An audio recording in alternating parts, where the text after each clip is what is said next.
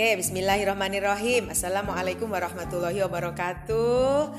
Apa kabar anak-anakku? Semoga sehat selalu. Alhamdulillah, pada Jumat pagi yang cerah ini kita seperti biasa mengadakan coaching berkala terhadap tugas akhir kalian. Semoga sholawat salam selalu tercurahkan kepada Nabi Muhammad SAW. Pagi ini ibu akan merefresh kembali bagaimana menulis yang berkualitas, bagaimana melakukan penelitian yang berkualitas. Ibu bagi dalam dua dua bagian, tentu dari semua yang hadir bimbingan ibu adalah yang ada dua kelompok. Kelompok yang pertama adalah yang sedang menulis proposal, kemudian kelompok yang kedua sudah melakukan penelitian di lapang selesai sudah mulai tabulasi, analisis dan bahkan beberapa dari teman kita sudah ada yang menulis pembahasan, sudah interpretasi. Nah, sebelum kalian melaporkan progres masing-masing, Ibu akan berikan sedikit coaching bagaimana menulis yang berkualitas tadi. Oke, bagian pertama sebuah tulisan adalah pendahuluan, introduction, latar belakang. Hal ini di bagian ini kalian memberikan penjelasan alasan-alasan penting pokok mengapa penelitian kalian perlu dilakukan. Mengapa kalian mengambil judul itu? Ada tiga alasan pokok. Nah, Alasan pokoknya tentu yang pertama adalah judul kalian mempunyai kontribusi besar terhadap tujuan pembangunan dunia. Kalau sekarang kan SDGs nih, Sustainable Development Goals ada 17 tuh. Oh, jadi topik kalian, judul kalian mau mempunyai kontribusi yang mana terhadap 17 SDGs tersebut. Nah, Poin yang kedua, mungkin alasan penting adalah tujuan pembangunan Indonesia nih sekarang sedang ke mana? RPJM ini ke mana sekarang? Nah, judul kalian yang mau kalian lakukan itu mengambil posisi yang mana? Anda ceritakan. Nah, berikutnya, paragraf berikutnya kalian bercerita bagaimana empiris dan teori. Bagaimana masalahnya. Ada masalah apa terhadap judul kalian? Nah, di paragraf ini kalian cerita saja secara empirik hasil-hasil penelitian terdahulu, tapi yang sudah dalam bentuk paragraf kalian bercerita. Kalau detail penjelasan empirik adalah di tinjauan pustaka. Sebetulnya dalam satu alur kalian menulis ada kaitannya antara latar belakang, tujuan, kajian pustaka, metode. Karena itu nyambung kan? Di tadi kita sudah cerita empirik dengan seharusnya.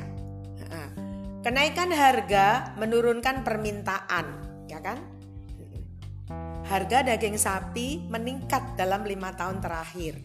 Dan itu sitasinya ada semua tuh dalam bahasa Inggris banyak. Cara sitasi nanti akhirnya uh, jangan lupa translate to English kemudian bawa tuh ke Google Scholar. Kalian akan menemukan artikel-artikel yang pada topik kalimat yang sedang kalian cari tuh. Di setiap pendapat kalian menulis harus ada pendukungnya. Jadi nggak boleh kita asal bunyi. Tadi ketika saya bilang kenaikan harga menurunkan permintaan. Itu bukunya banyak toh. Tapi di dalam skripsi, di dalam artikel anak-anak ibu tidak ibu bolehkan ya eh, mensitasi buku. Misalnya manajemen pemasaran. Enggak. Eh, ilmu usaha tani. Enggak jadi nggak ada. Deskripsi kalian tidak ada acuan buku. Kecuali memang acuan buku yang bagus banget misalnya mikroekonomik punya varian, nah itu baru. Nah, tapi kalau cuman usaha tani apa? Kemudian apa namanya? Metode penelitian sosial.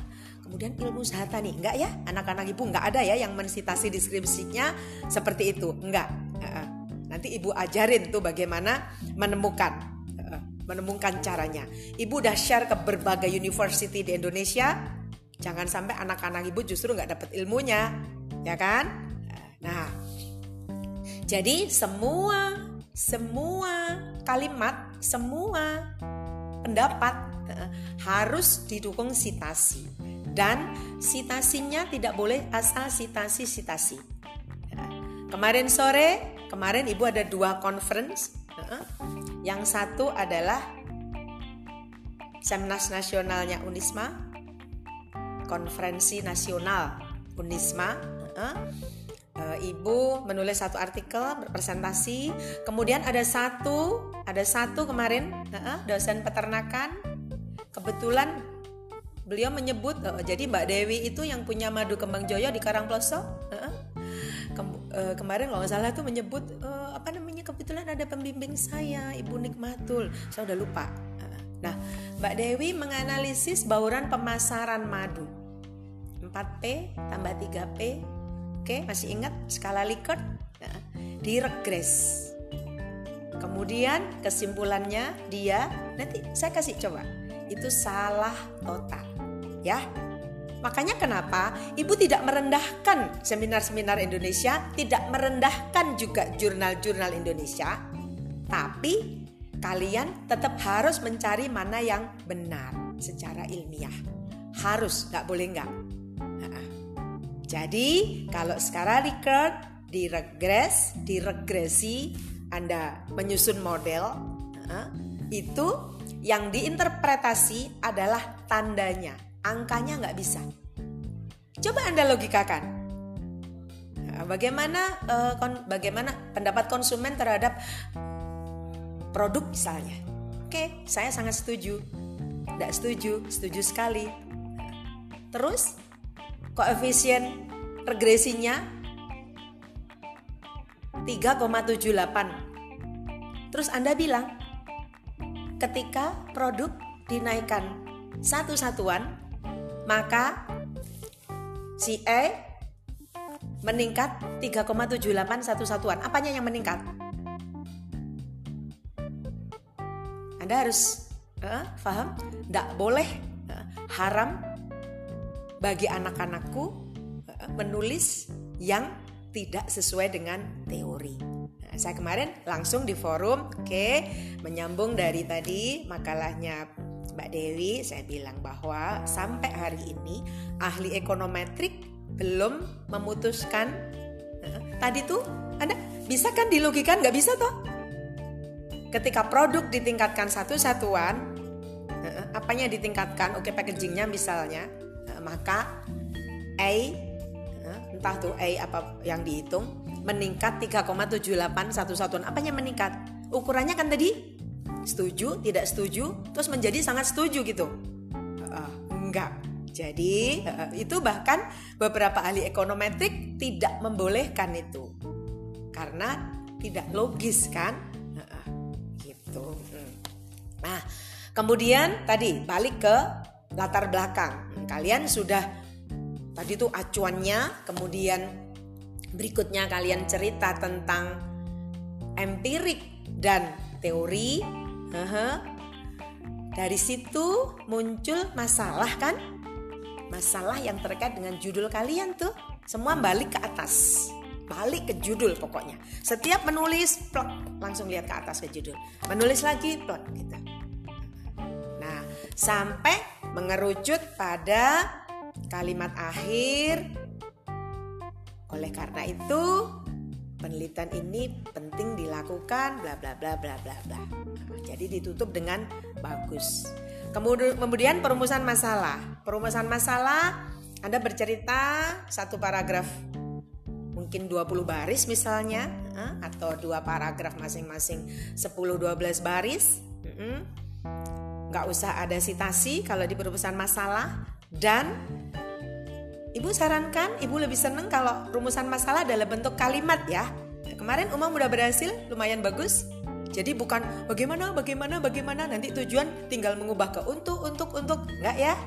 Nah, bosen kayaknya yang uji juga nanti bosen deh kita kita pakai style yang beda dan itu masih boleh. Nah, tuh. Jadi perumusan masalah. Kemudian tujuan udah tinggal buat aja harus jelas. Saya kemarin mereview ada 100 proposal PKM di Unugiri Bojonegoro kemudian disaring lagi menjadi 50, kemudian ibu review nanti uh, tahap awal 20-an. Nah. Dari ibu sudah dapat 6, sudah dapat 6 review. Ibu belum menemukan tujuan tujuan yang tepat. Jadi atau nanti kapan-kapan coba ibu kita review ya. Judul proposal 1, 2, 3, 4 gitu. Jadi sambil kita belajar bagaimana menyusun kalimat tujuan penelitian. Judul juga gitu. Penyaring air dari apa? Zeolit untuk menurunkan kadar kapur menggunakan filtering apa bla bla bla sistemik gitu. Masya Allah. 20 lebih. Nggak boleh. Judul maksimal 16 sesimpel mungkin. Saya rubah. Filtering filtering model untuk menurunkan kadar kapur uh, oke okay, menurunkan kadar kapur menggunakan zeolit. Kayaknya lebih enak didengar ya. Nah, filtering air, filtering apa gitu namanya. Uh-uh. Untuk sebagai apa? Untuk menurunkan kadar kapur melalui zeolit. Saya rubah gitu kalau nggak salah. Tadi tuh panjang ada 20 lebih. Nah, nggak boleh tuh. Sama aja kalau kita dapat menyusun kalimat dengan sederhana dan lebih mudah difahami, SPOK SPOK, maka orang lain juga akan mudah. Kemarin dari enam, ibu belum menemukan, padahal idenya bagus-bagus. Simplicia ekstrak tomat apa? Untuk ini mendetoks merkuri dari memakan kosmetik. Bagus ya Simplicia ekstrak tomat. Nah, tapi ya gitu, kalian nanti kalau ini nih kapan-kapan minggu depan saya coba tuh saya copy aja tuh tujuan tujuan manfaat eh, masalah judul masalah tujuan luaran. Oke. Ya. Coba nanti kalian belajar bagaimana menyusun kalimat. Oke. Kemudian tujuan setelah itu oke kalian nggak ada luaran. Nah, kalau ada luaran ya luaran itu oh jelas aja udah luaran penelitian tuh apa Kemudian, oke, okay, tinjauan pustaka, ibu nggak usah pakai itu ya, ordo-ordo apa nggak usah, buang semua ya, nah, buang semua. Jadi supaya tulisan kalian betul-betul apa ya kalau orang Jawa bilang mentes, nggak apa-apa skripsi 60-70 halaman, tapi memang isinya sangat padat. Kemudian tinjauan pustaka tadi telah hasil penelitian hmm, 12 10 12 dan yang benar-benar karena pada kajian penelitian terdahulu kalian menemukan metode yang kalian pakai untuk menyelesaikan masalah kalian. Jadi, hasil penelitian terdahulu itu acuan metode penelitian kalian loh. Kalian kalau belum menemukan belum menemukan metode ya nambahin lagi tuh. Hasil penelitian terdahulu, hasil pen, tambahin Gitu. Nah, setelah itu baru menyusun bab berikutnya metode. Metode diceritakan saja apa yang kalian lakukan. Kita udah nggak bicara teori, kita nggak bicara tugas MPS, kita nggak bicara paper MPS, enggak. Nah, lokasi dan waktu udah cerita aja lokasi di mana, waktunya kapan. Data penelitian ini menggunakan data primer, bla bla bla bla standar aja udah. Nah, data sekunder kayak ibu diambil dari World Bank diambil dari data IRI International Research kayak Pak Zainul diperoleh dari Badan Ekspor Dunia itu data sekunder. Kalau data sekunder berupa hasil penelitian terdahulu pustaka bukan itu bukan data sekunder data sekunder adalah datanya kalian. Itu adalah data yang kalian mengambil dari bukan ngumpulin sendiri. Itu namanya data sekunder. Jadi, deskripsi anak-anak Ibu tidak ada kata-kata data sekunder adalah uh, di, apa namanya berupa artikel-artikel pendukung. Enggak ya pasti. Itu udah pasti ada itu namanya bukan data sekunder. Data sekunder yang dimaksud adalah kalau data primer kalian mengumpulkan sendiri lapang. Kalau data sekunder kayak ibu, nah, kayak Mbak siapa kemarin pakai data BPS Malang, nah, data publish dari internet yang bisa dipertanggungjawabkan, nah, gitu. Hmm. Kemudian habis metode deskripsi sampel anak-anakku uh, deskripsi sampel di samping tabel. Coba mulai sekarang anak-anakku tampilkan juga dalam bentuk chart. Nah, di Canva gampang, kayaknya di mana-mana gampang tuh. Jadi set, apa namanya? Kalau cuman deskripsi sampel berdasarkan umur tuh kan tabelnya cuman gitu-gitu aja kan ya isinya ya. Coba deh di kanannya kalian kasih apa chart yang berwarna lebih keren kan? Ya. Kemudian deskripsi sampel sudah ceritakan. Oh iya, jangan lupa sebelum membahas tabel dikasih pengantar minimal 5 baris. Jadi habis judul uh, karakteristik responden berdasarkan umur misalnya. langsung tabel 1, tabel 4. Enggak, enggak boleh itu orang kalau mau bertamu harus permisi, buat janji, kulon nah gitu ya. Kemudian kemudian bahas tuh tabelnya baca. Anak-anakku jangan hanya mengata-ngatai tabel ya. Nah, jangan hanya membaca tabel. Nah, di samping dibaca, dibahas. Nah, kenapa dominan umur untuk konsumen buah sayur itu didominasi umur 30-40 nah, itu kan umur produktif seseorang. Kenapa kalau umur produktif? Sibuk sekali. Kenapa sibuk sekali? Kebanyakan kantor. Pulang kantor waktunya udah nggak ada. Makanya belanja di supermarket. Nah itu dibahas dikit-dikit. Jadi jangan hanya mengata-ngatai tabel. Ibu pun juga belajar terus itu. Karena ya ya ya enggak mudah. Gitu. Saya kemarin waktu oh ya anak-anakku di forum kita kalau ibu sedang membahas orang itu bukan berarti untuk menjelek-jelekan bukan. Kita dalam rangka mengambil contoh kasus.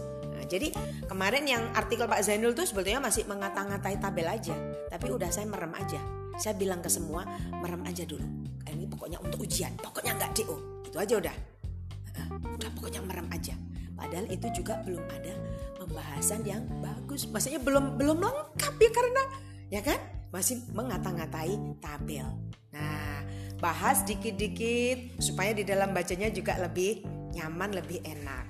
Terus jangan lupa tetap margin 4433 tetap mau tabel mau bahas mau apa semua 4433 nggak ada distorsi nggak ada apa namanya korupsi sedikit pun masalah margin.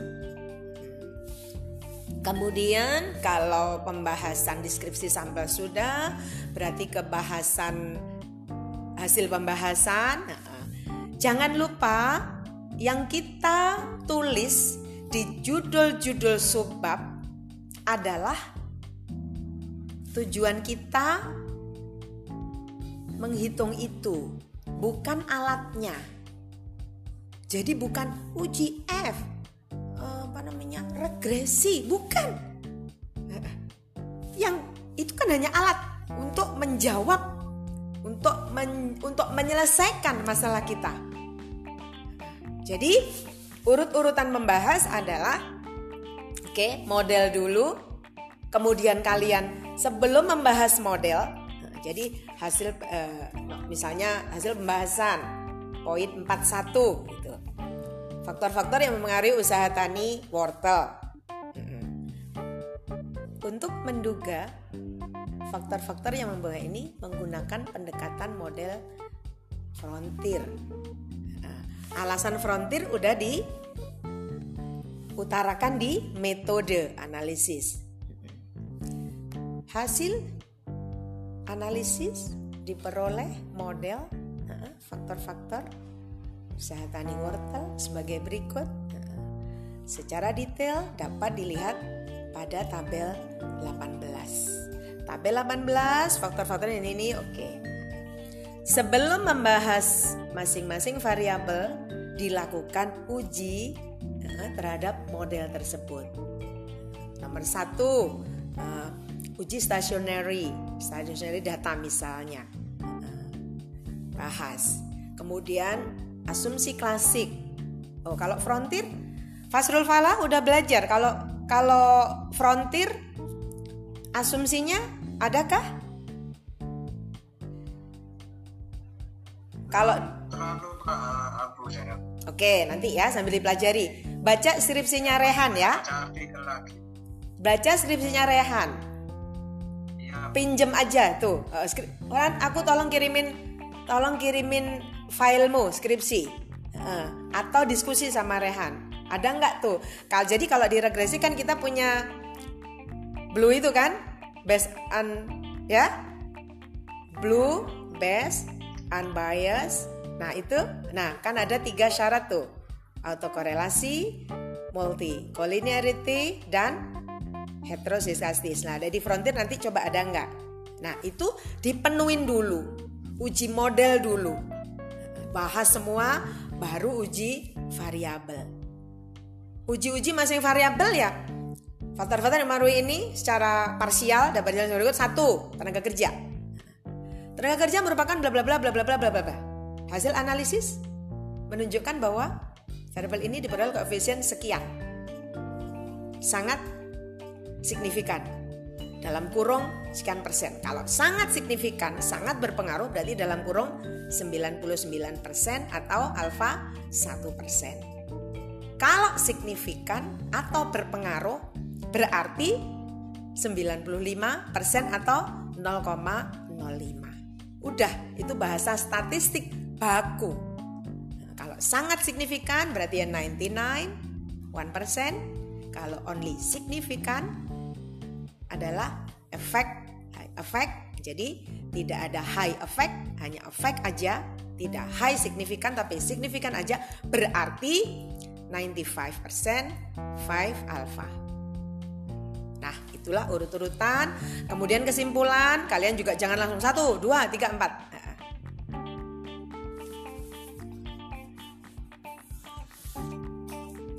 Kesimpulan diawali, kesimpulan merupakan bagian akhir dari sebuah tulisan. Hmm. Berikan satu paragraf, satu pengantar bukan satu paragraf, berikan satu pengantar. Penelitian ini mendeskripsikan bla bla bla bla bla bla. Penelitian ini menganalisis faktor-faktor yang mempengaruhi usaha tani cabai rawit. Pendekatan model usaha tani menggunakan frontier, fungsi produksi frontier. Data penelitian menggunakan data primer terhadap 67 petani cabai rawit. Hasil penelitian menunjukkan bahwa bahas tuh yang signifikan, kemudian sebutkan langsung ke yang tidak signifikan. Berikan alasan singkat, kemudian saran, terakhir implikasi. Anak-anak tahu tidak ya bedanya antara saran dan implikasi? Kalau saran, perbedaan antara hasil penelitian yang tidak signifikan dengan teori. Nah tuh harus gimana tuh kalau nggak signifikan nggak sesuai dengan teori? Misalnya nih barang normal harga naik permintaan turun. Loh kok masih naik tuh harga naik permintaan naik? Beras misalnya. Nah oke kemudian kalau implikasi dengan peraturan pemerintah selama ini apa yang harus dilakukan? Itu implikasi. Oke, kemudian sitasi terakhir, eh, referensi. Anak-anakku semua harus menggunakan referensi aplikasi. Nah, ibu nggak nggak izinkan kalian uh, skripsinya proposalnya, tidak menggunakan aplikasi di dalam menulis pustakanya. Kenapa? Ibu nggak ingin anak-anak ibu susah payah. Semua kalau dengan teknologi high efficient. Semua kalau dengan teknologi mudah. Ibu tidak bolehkan kalian masih apa susah-susah tuh menulis pustaka. Belum salah-salahnya lagi. Nah, jadi nggak mungkin kita 10 hektar kemudian menggunakan cangkul. Oke, baik. Coaching hari ini Ibu akhiri. Kita lanjutkan dengan progress report masing-masing dari kalian. laporkan sampai sejauh mana skripsi masing-masing dan kita diskusikan masalah kendala yang dihadapi di lapangan atau di dalam menulis. Minggu depan kita coaching offline boleh ke kampus dengan protokol kesehatan sangat ketat dan selama di ruang ibu sama sekali tidak boleh membuka masker. Oke, baik. Semoga selalu diberi kemudahan. Ketemu minggu depan dalam coaching berkala. Selamat datang di Elvara Voice bersama saya Nikmatul. Assalamualaikum warahmatullahi wabarakatuh.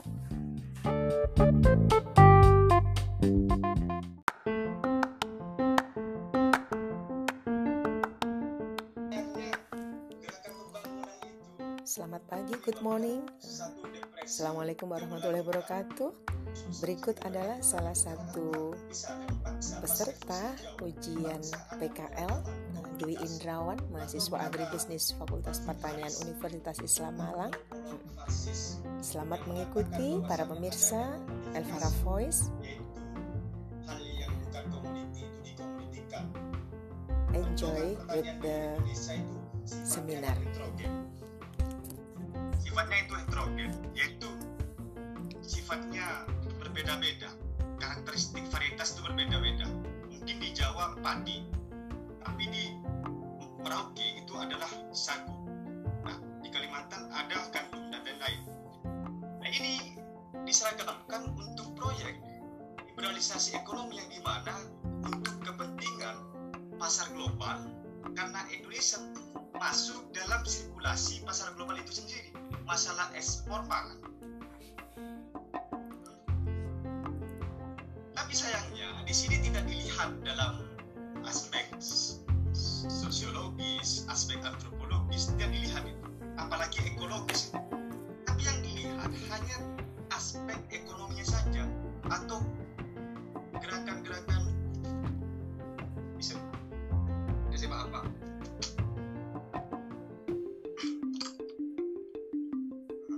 Oke, saya lanjutkan. Ada kendala barusan yang uh, saya lanjutkan barusan terhadap masalah tadi pendekatan utama dalam uh, proses mengidentifikasi agenda Ayo Kitifam dalam uh, dia menerbitkan suatu gerakan alternatif asosiasi rakyat menurut saya berbentuk sektor pemberdayaan sumber daya alam.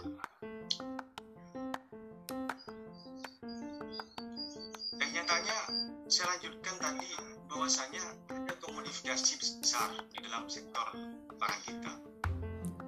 Dan itu menyebabkan adanya diferensiasi kelas, adanya kelas-kelas yang terfragmen. Karena mereka dipaksa untuk memberikan lahannya terhadap korporasi korporasi yang sudah mempunyai ikatan terhadap negara yang di mana termaktub dalam regulasi-regulasi uh, internasional bahwasanya kebebasan laissez-faire atau kebebasan pasar menggunakan teorinya Adam Smith the invisible hand tangan-tangan gelap untuk menggerakkan hak prerogatif uh, kebebasan animal ekonomi itu atau sifat-sifat uh, hewan ekonominya dan itu menyebabkan tadi depresi gerakan-gerakan alternatif yang mulanya itu pertama pertanian kita subsisten sifatnya. Yang di mana bertani untuk produksi sendiri itu dipaksa. Dia untuk memodernkan pertaniannya itu tanpa adanya masa transisi. Ini kan kekacauan yang menyebabkan beberapa berinisiatif menunjukkan gerakan-gerakan yang di mana itu notabene ini beratkan terhadap akar itu rakyat civil society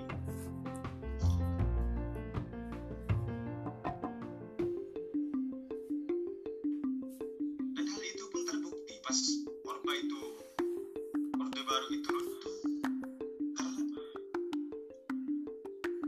karena di sana pertama sifatnya pernah dikatakan diramalkan oleh Acton bahwasanya power dan to corrupts uh, absolute corrupt absolutely atau kekuasaan pasti korup dan kekuasaan absolut itu jelas akan korup. Kan nah ini yang menyebabkan korban yang sesungguhnya atas kekacauan dan totaliter militer ikut campur dalam gerakan kebijakan, regulasi dan lain-lain penanggulangan, penanggulangan gerakan masyarakat. Lebih khusus dalam pemberdayaan uh, uh, masalah sumber daya alam. Itu salah besar karena tidak sesuai dengan undang-undang UPA dan reform yang dicita-citakan oleh uh, kita dan undang-undang demokrasi ekonomi pasal 33 1945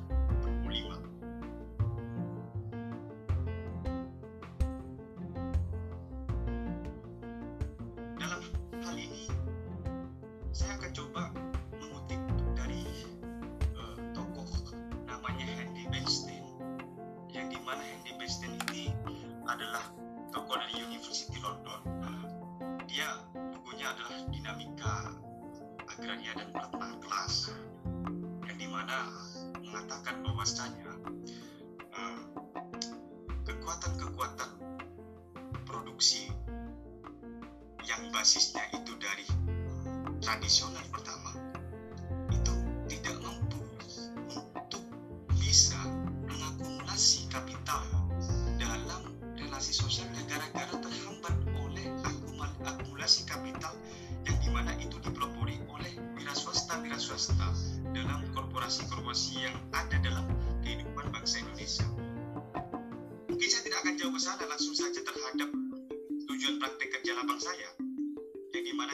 saya jelaskan tadi di sini. Saya memaparkan motif awal saya memberikan uh, hipotesa agar teman-teman juga nanti bisa merefleksikan di sini bagaimana arus dan pergerakan selanjutnya uh, agenda-agenda perekonomian, agenda-agenda pemberdayaan uh, pertanian yang basisnya memang itu untuk kedaulatan rakyat, untuk kesejahteraan rakyat, bukan untuk kesejahteraan perorangan dan seorangan itu.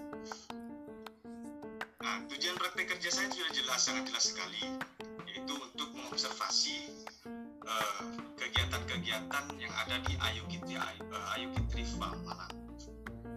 Nah, mungkin langsung ke slide saja, Mbak Uli, selanjutnya.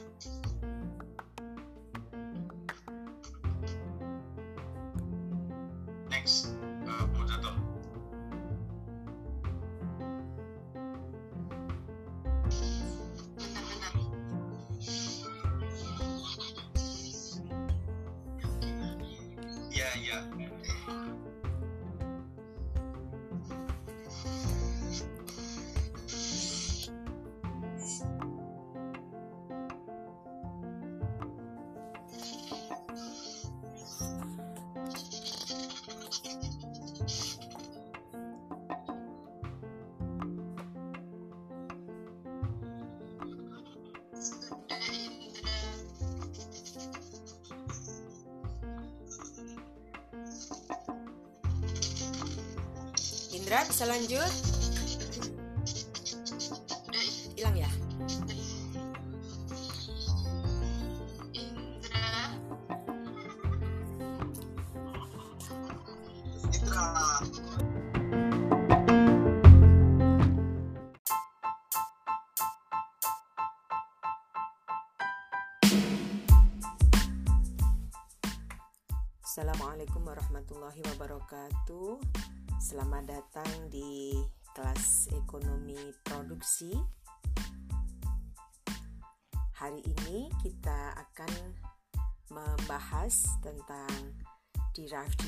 Input demand, eh, permintaan input sebagai tahapan di dalam memproduksi uh, suatu barang atau jasa.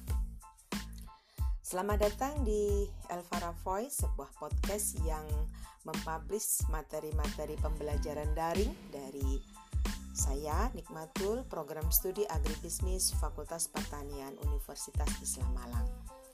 Kali ini kita akan bicara tentang permintaan input, eh, pasar tenaga kerja dan pasan pasar dari lahan pertanian. Coba kita lihat pada PPT halaman 2 Firm Choices in Input Market berawal dari rumah tangga sebelah kanan nah, coba dilihat ada gambar rumah tuh eh, rumah tangga yang memiliki input tenaga kerja labor hmm, labor supply. Jadi ada penawaran tenaga kerja dari sebuah uh, rumah tangga. Kemudian penawaran tenaga kerja yang dimiliki oleh tenaga kerja itu akan mengisi pasar tenaga kerja.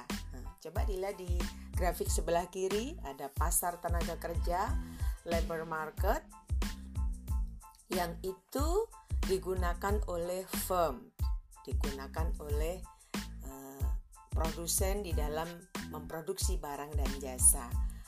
Sumbu sebelah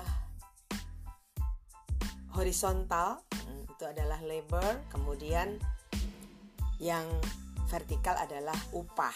Jadi ada hubungan terbalik antara upah dan tenaga kerja, pemakaian tenaga kerja. Ketika upah turun, maka jumlah tenaga kerja yang bekerja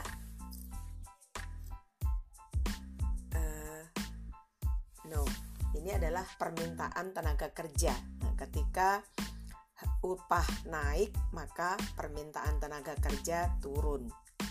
Nah, pasar tenaga kerja adalah grafik yang menghubungkan antara upah dan pasar tenaga kerja.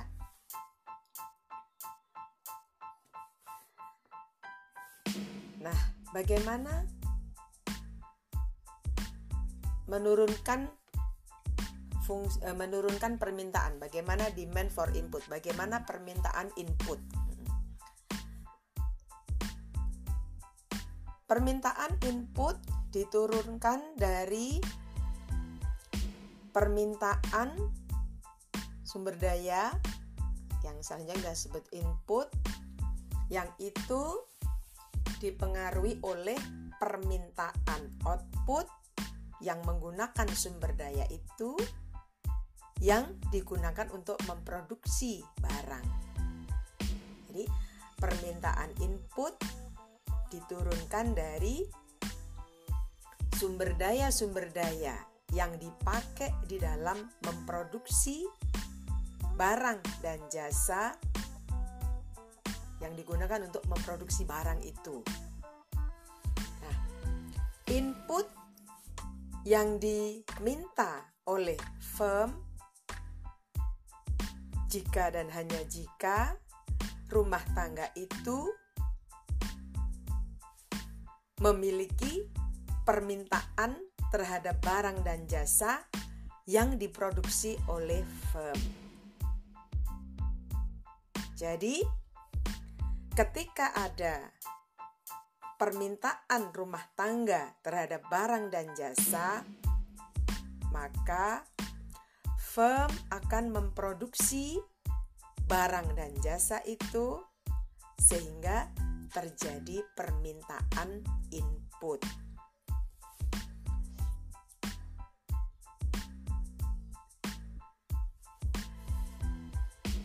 Nah, input bers bisa bersifat ada dua sifat di dalam uh, in, permintaan input. Jadi ada sifat complementary dan substitutable. Ada sifat komplementer, ada sifat substitusi.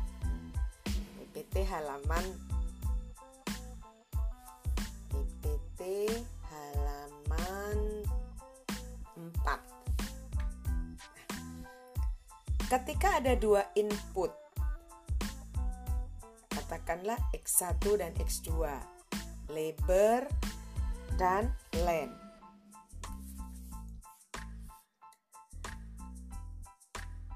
Ketika terjadi kenaikan harga input, maka permintaan terhadap input tersebut turun.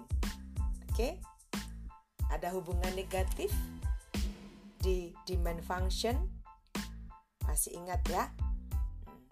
Jadi, ketika harga beras naik, maka permintaan beras turun. Ketika harga daging sapi naik, permintaan daging sapi turun. Ketika ada kenaikan harga bensin, maka permintaan bensin turun. Ketika harga telur meningkat, naik, maka permintaan telur turun. Nah, penurunan permintaan itu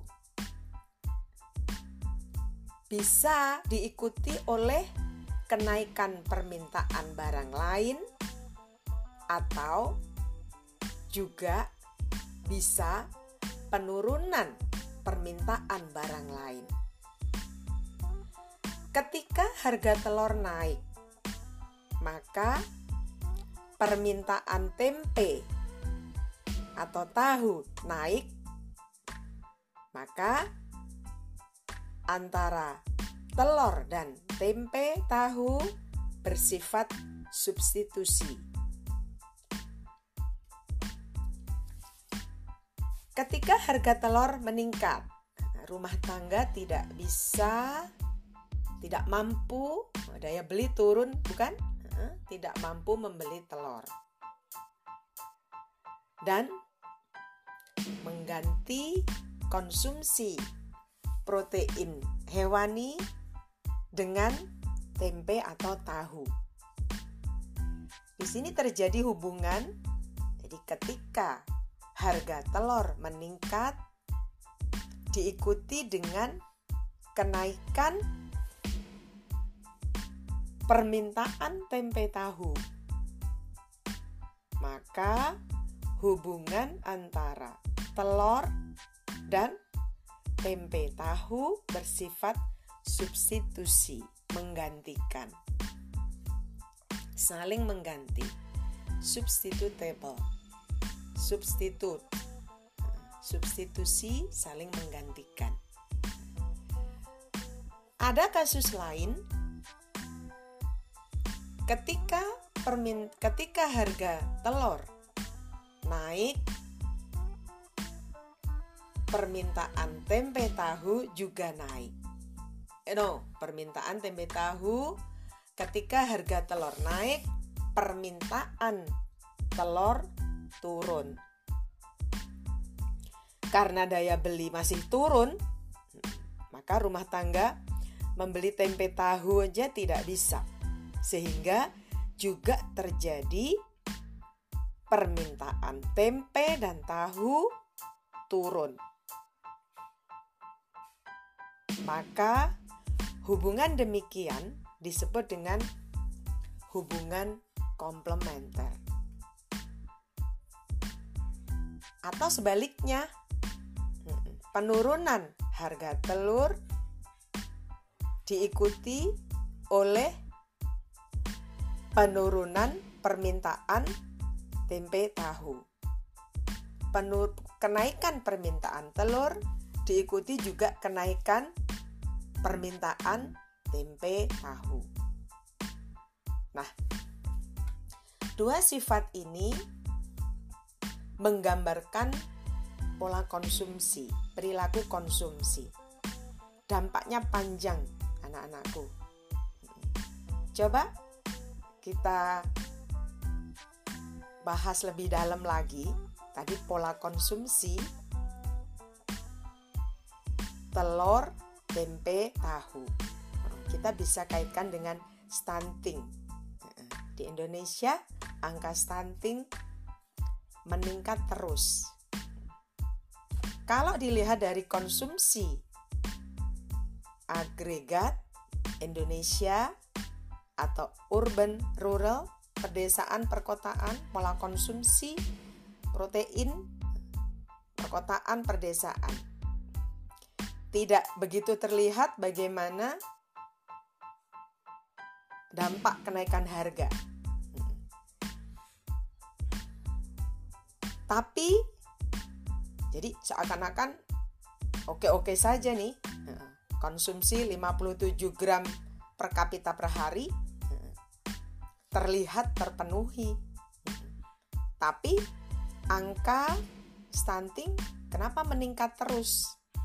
Kalau dilihat pola konsumsi agregat Indonesia, wah hampir semuanya terpenuhi.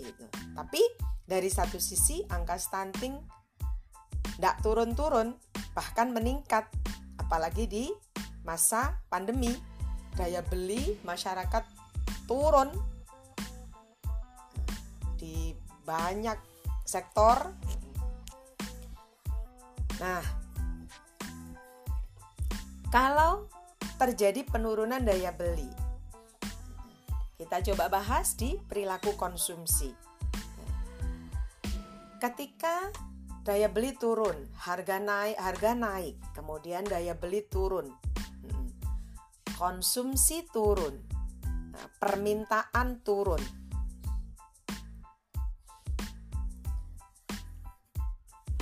Nah, di situ ada pola pergeseran atau pola penurunan konsumsi. Kalau yang hubungan substitusi, ada pola dari misalnya kelompok daging. Kemudian eh, karena harga naik, daya beli turun, rumah tangga mengkonsumsi mengonsumsi daging ayam. Kemudian pada saat-saat Idul Fitri, Ramadan, harga meningkat lagi. Daya beli turun lagi. Rumah tangga mengganti konsumsi daging ayam tadi menjadi telur. Ada pola ada hubungan antara harga dan pola konsumsi yang itu tercemin di dalam permintaan. Jadi, teman-temanku, anak-anakku, kalian bisa melihat bagaimana pola konsumsi barang dan jasa berdasarkan permintaan barang dan jasa tersebut. Nah, tadi kita lihat kalau agregat urban rural nampaknya tidak terlihat dengan jelas. Kita coba lihat angka uh, apa angka UMK Malang misalnya atau penduduk Malang rata-rata pendapatan sekian per bulan, per kapita per bulan. Kelihatannya Malang Raya eh, oke-oke saja. Tapi coba teman-teman kalau kita lihat kita kelompokkan ke dalam lima kelompok pendapatan misalnya. Jadi dari kalau di istilah BPS tuh ada kuintil pendapatan. Jadi Pendapatan itu dibagi dalam 5 kelompok 0 sampai 20 persen 20 sampai 40, 40 60, 60 80, 80 100. Jadi kalian mungkin bisa bayangkan kalau antara kalau di medical tuh ada ada apa tuh USG ya kan? Nah, kemudian ada CT scan, ada MRI. Nah, akan terlihat tuh kalau di USG aja nggak kelihatan. Kemudian di CT scan agak kelihatan. Begitu di MRI eh, dibagi dalam berapa mili-mili itu eh, kelihatan. Sama juga ketika kita melihat misalnya pola konsumsi pangan berdasarkan 5 level pendapatan. Nah, akan terlihat itu bagaimana kelompok paling bawah 20% pendapatan paling bawah itu bagaimana pola konsumsinya. Kemudian pendapatan meningkat lagi di kelompok kedua, kelompok ketiga, kelompok empat, kelompok lima paling kaya. Nah, kita bisa lihat bagaimana kecenderungan tren pola konsumsi pangan rumah tangga. Kita bisa membuat kesimpulan bagaimana tren permintaan terhadap barang dan jasa dengan lebih detail. Kita bisa melihat bagaimana hubungan antar barang, antar komoditas. Jadi, seperti penelitian saya, disertasi saya melihat bagaimana pangan protein hewani, permintaan pangan protein hewani, bagaimana perubahan harga dan pendapatan terhadap pola konsumsi pangan hewani. Pangan hewani, semua pangan hewani dalam rumah tangga yang dikonsumsi saya bagi ke dalam lima kelompok besar. Jadi kelompok telur, telur tuh ada telur ayam kampung, telur broiler, ada telur bebek, telur apa yang kecil-kecil tuh puyuh. Nah, kemudian kelompok daging ayam, chicken tuh ada daging ayam kampung, daging ayam telur, daging ayam broiler, kemudian kelompok daging sapi, kelompok ikan segar dengan kelompok susu. Nah, kita bisa lihat bagaimana hubungan antar apakah komplementer, apakah substitusi dari lima kelompok pangan tersebut dan pada berbagai level pendapatan, dan pada berbagai level kemiskinan. Tentu kita juga lihat bagaimana agregat dan urban rural. Akan sangat terlihat itu bagaimana pola substitusi dengan meningkatnya pendapatan ternyata protein yang dikonsumsi rumah tangga makin berkualitas Quality di sini uh, diukur dari harga per gram yang dibayarkan oleh rumah tangga. Pada provinsi-provinsi tertentu, provinsi-provinsi yang konsumsi proteinnya masih kurang dari standar nasional 57 gram per kapita per hari terlihat hampir semua komoditas, hampir semua kelompok pangan protein tadi bersifat substitusi. Artinya, hampir semuanya positif koefisiennya, elastisitasnya semuanya positif. Artinya, ketika terjadi kenaikan harga, maka terjadi penurunan jumlah penur terjadi penurunan jumlah permintaan. Berarti itu terjadi penurunan jumlah konsumsi. Dan ada penurunan apa nih? Dari daging sapi ke daging ayam, kemudian daging ayam ke telur, nah, telur ke ikan.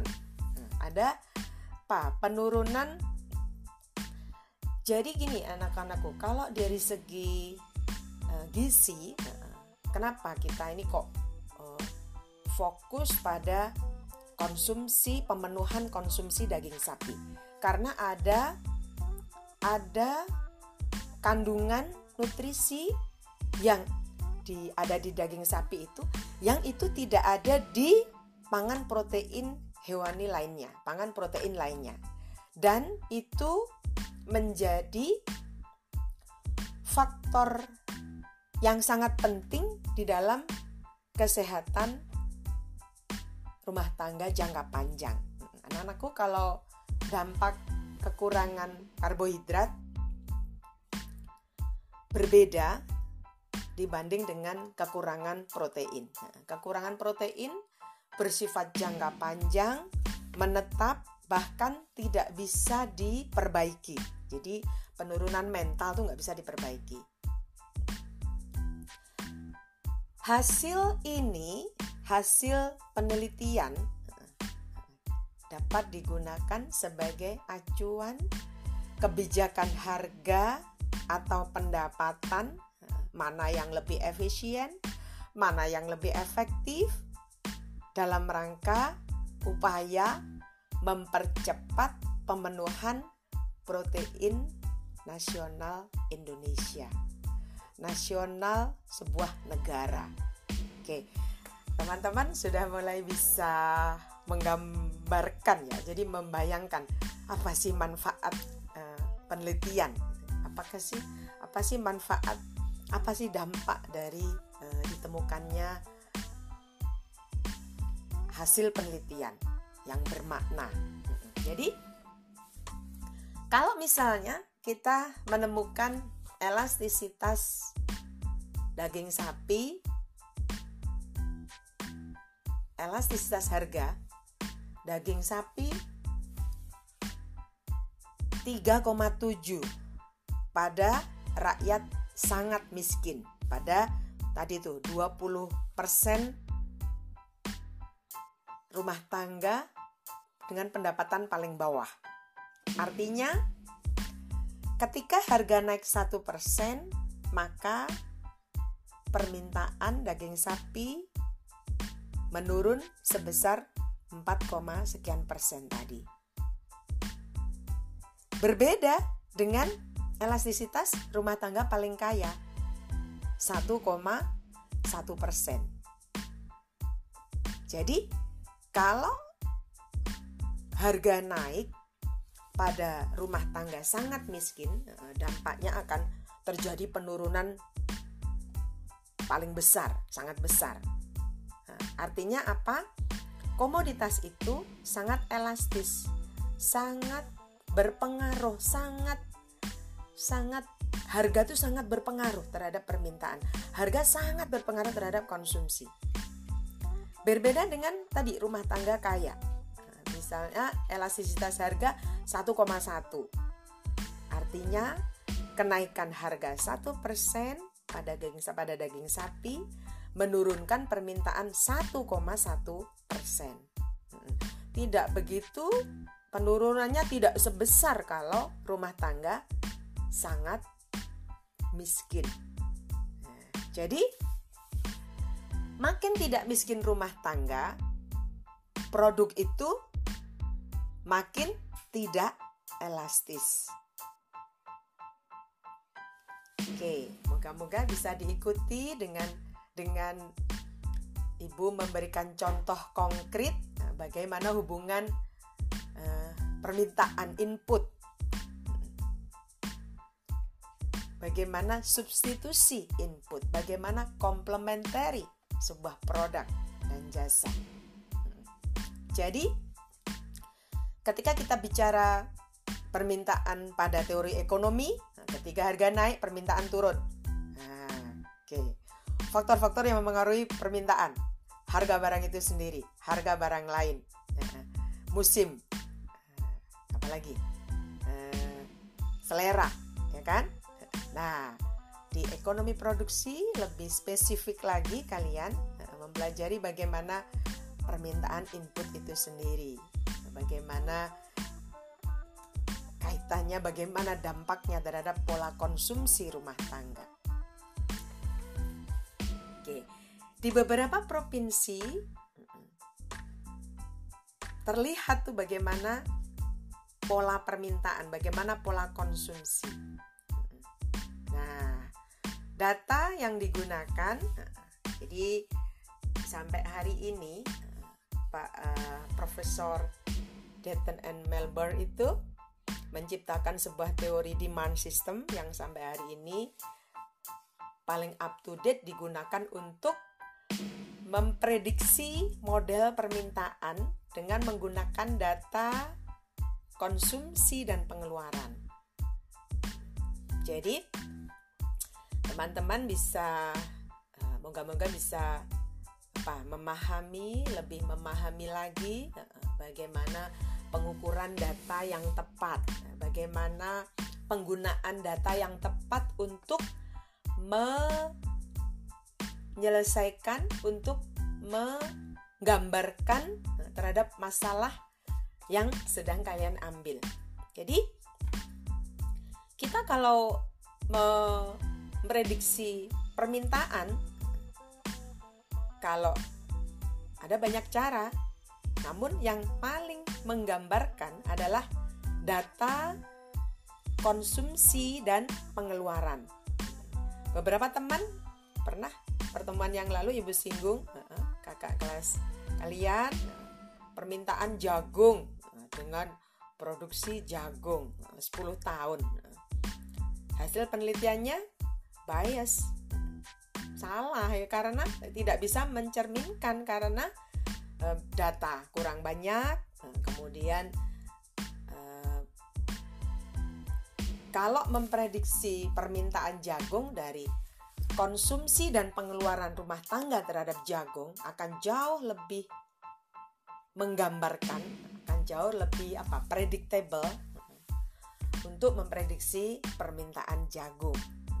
Nah, Prof. Dayton Melbert itu mendapatkan hadiah Nobel. Uh, dia me, beliau me, menghitung bagaimana permintaan bagaimana permintaan input, bagaimana permintaan barang dan jasa dengan menggunakan data konsumsi dan pengeluaran. Nah, karena itu eh, paling menggambarkan paling menggambarkan uh, fungsi permintaan, paling menggambarkan pola konsumsi dan pola konsumsi digunakan untuk me mengestimasi permintaan barang dan jasa. Oke, komplementari dan substitusi. Muka-muka udah lebih paham. Nah, kemudian di slide berikutnya. Oke, tadi uh, sudah bisa buat gambaran tuh bagaimana elastisitas harga, elastisitas pendapatan. Nah, kalau kalian di mikro ada Marshallian elasticities, kemudian ada Higgsian elasticities, kemudian ada income atau expenditure elasticities. Oke, sambil dibuka lagi di mikro untuk lebih bisa memahami bagaimana produksi. Karena dari informasi permintaan itu menjadi informasi yang sangat berharga bagi produsen untuk memproduksi barang dan jasa. Tentu kalau permintaan tinggi akan memacu produsen di dalam memproduksi barang dan jasa. Oke? Logis bukan? Jadi informasi demand sangat penting bagi produsen. Kalau permintaan rendah, ya kalau memproduk kemudian produsen memproduksi tinggi, nggak akan laku di pasar.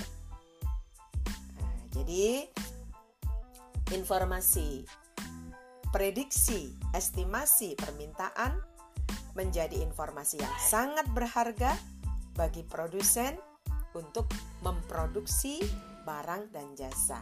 Nah, sekarang kita bicara dari segi produsen nih, diminishing return. Ada pengembalian diminishing return, ada pengembalian yang bersifat menurun.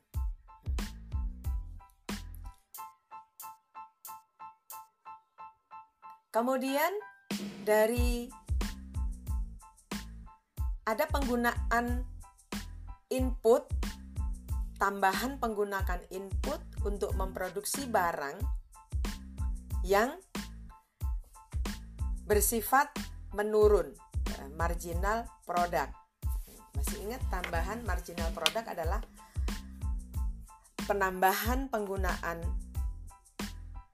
uh, penambahan output sebagai akibat daripada penambahan input. Nah, kita ambil contoh pada marginal revenue product. The marginal revenue product MRP adalah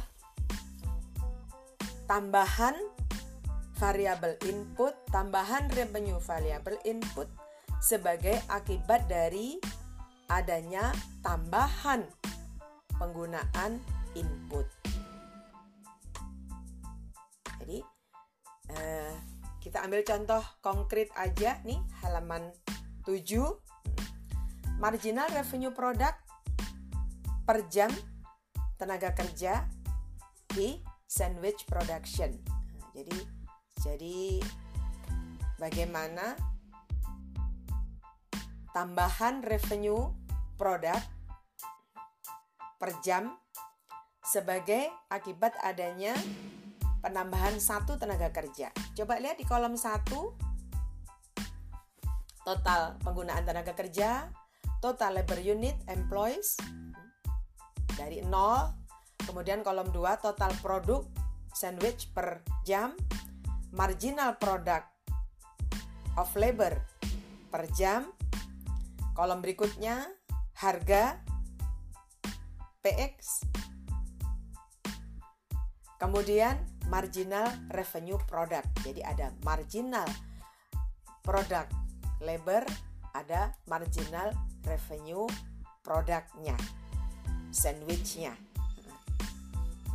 Ketika pemakaian tenaga kerja satu, maka total produksi 10 sandwich.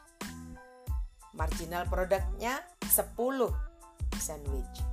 Harganya setengah dolar per sandwich sehingga diperoleh marginal revenue 5 dolar. Jadi marginal revenue diperoleh dari marginal produk kali X kali price dari kali harganya sandwich. Kemudian produsen menambah tenaga kerja satu jadi dua. Dengan dua tenaga kerja dapat memproduksi 25 sandwich, kemudian marginal produknya berarti dari 10 ke 25 15. Ada tambahan produksi ada tambahan produksi dari penambahan satu tenaga kerja nah, menjadi 15. Nah, harganya setengah dolar per sandwich, maka didapatkan marginal revenue tujuh setengah dolar. Kemudian produsen menambahkan tenaga kerja satu lagi menjadi tiga. Produksinya sandwich 35 berarti ada penambahan produk dari penambahan satu tenaga kerja itu sebesar 10 penurunan harga sandwich setengah dolar maka marginal revenue 5 dolar. Tenaga kerja tambah satu lagi nih menjadi 4 total produksi sandwich 40 teman-teman bisa dilihat tuh total produksinya meningkat terus. Marginal product of labornya jadi tadi pada waktu 3 tenaga kerja 35 sandwich. Pada waktu tenaga kerja 4 40 sandwich maka marginal product of labor hanya 5 dan harga sandwich tetap setengah dolar. Maka marginal revenue dua setengah dolar. Kemudian produsen ingin melihat lagi bagaimana kalau tenaga kerja ditambah lagi. Apakah terjadi terus penurunan atau bisa sebagai daya ungkit bisa meningkat kita coba data pada waktu pemakaian tenaga kerja 5 orang Total produksi sandwich 42, marginal product of labor hanya 2, harga tetap setengah dolar, maka 1 dolar marginal revenue. Kemudian pada saat tenaga kerja 6, tuh anak-anakku, coba dilihat kolom 2, total sandwichnya tetap 42, tidak terjadi penambahan total produksi sehingga marginal produknya nol. tidak ada tidak ada penambahan. Kemudian harga setengah dolar, maka marginal revenue nol. Anak-anakku coba dilihat, nah, total labor meningkat dari satu menjadi enam. Kemudian total produksi meningkat terus sampai tenaga kerja kelima baru tenaga kerja enam produksi tetap. Tidak ada tidak ada peningkatan. Marginal product coba dilihat anakku trennya. Dari 10 meningkat menjadi 15 kemudian turun lagi turun lagi. Bahkan pada sampai tenaga kerja ke-6 adalah tidak ada penambahan produksi. Kemudian harga tetap setengah dolar. Nah pada marginal revenue terlihat meningkat pada saat pemakaian tenaga kerja 2 maksimal. Kemudian menurun menurun menurun bahkan marginal revenue 0 nah ini bisa jadi menggambarkan saat pandemi betul-betul akhirnya betul-betul nol, tidak terjadi penambahan. Makanya kemudian terjadi PHK. Terjadi PHK. Jadi karena tidak ada tidak ada marginal revenue. Karena tidak ada pemasukan. Nah, kalau dilihat pada kasus ini kalau dilihat pada kasus ini, maka marginal revenue tertinggi pada saat marginal product of labor tertinggi.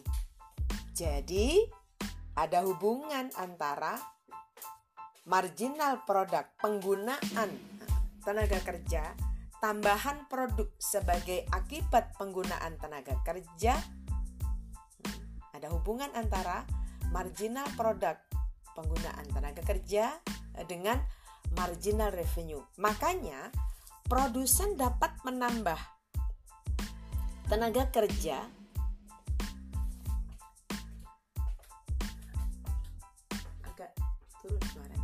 Maka jadi produsen dapat menambah tenaga kerja jika marginal produk dari input sama dengan harga input. Oke? Okay? Anak-anakku sudah bisa nih menurunkan bagaimana bagaimana hubungan antara marginal revenue product dengan price. Jadi produsen tuh nggak bisa terus nambah terus apa oh, nambah terus tenaga kerja kalau tidak diimbangi dengan uh, kalau penambahan itu tidak diimbangi dengan harga input. Nah, coba dilihat di slide halaman 8. Halaman 8 diilustrasikan di gambar marginal revenue product per jam per hour of labor in sandwich production ini. Nah, gitu. Anak-anakku bisa dilihat ada secara grafikal bisa dilihat lebih jelas ada awal-awal grafik ungu tuh naik kemudian maksimal pada tenaga kerja 2 maksimal pada penggunaan tenaga kerja unit of labor 2 tuh 15 kemudian penambahan tenaga kerja meningkat nah, terjadi penurunan marginal revenue product. Nah ketika harga output konstan, maka marginal revenue product itu juga konstan dan marginal revenue product hanya tergantung pada marginal product. Jadi tambahan revenue eh, sangat tergantung pada tambahan produksi, tambahan produk. Hubungan demikian uh, uh, disebut dengan diminishing return to scale. Jadi skala produksi skala produksi yang menurun. Nah, tambahan skala produksi yang menurun. Nah, pada dua grafik ini eh, terlihat bagaimana pola marginal product dan pola marginal revenue product. Oke.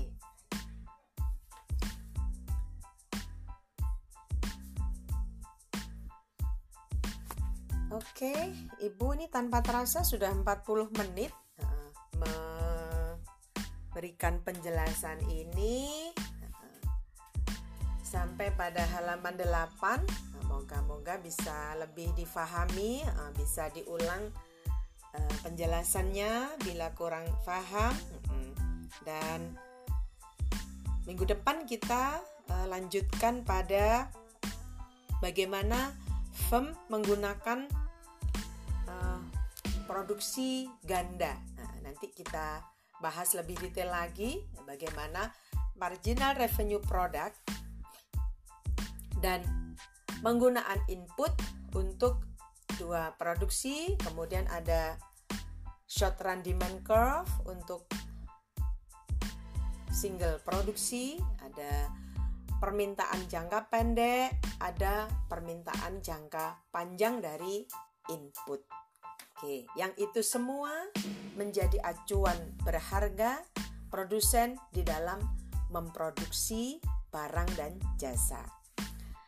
Sekian, sampai ketemu materi berikutnya. Sampai ketemu minggu depan. Wassalamualaikum warahmatullahi wabarakatuh.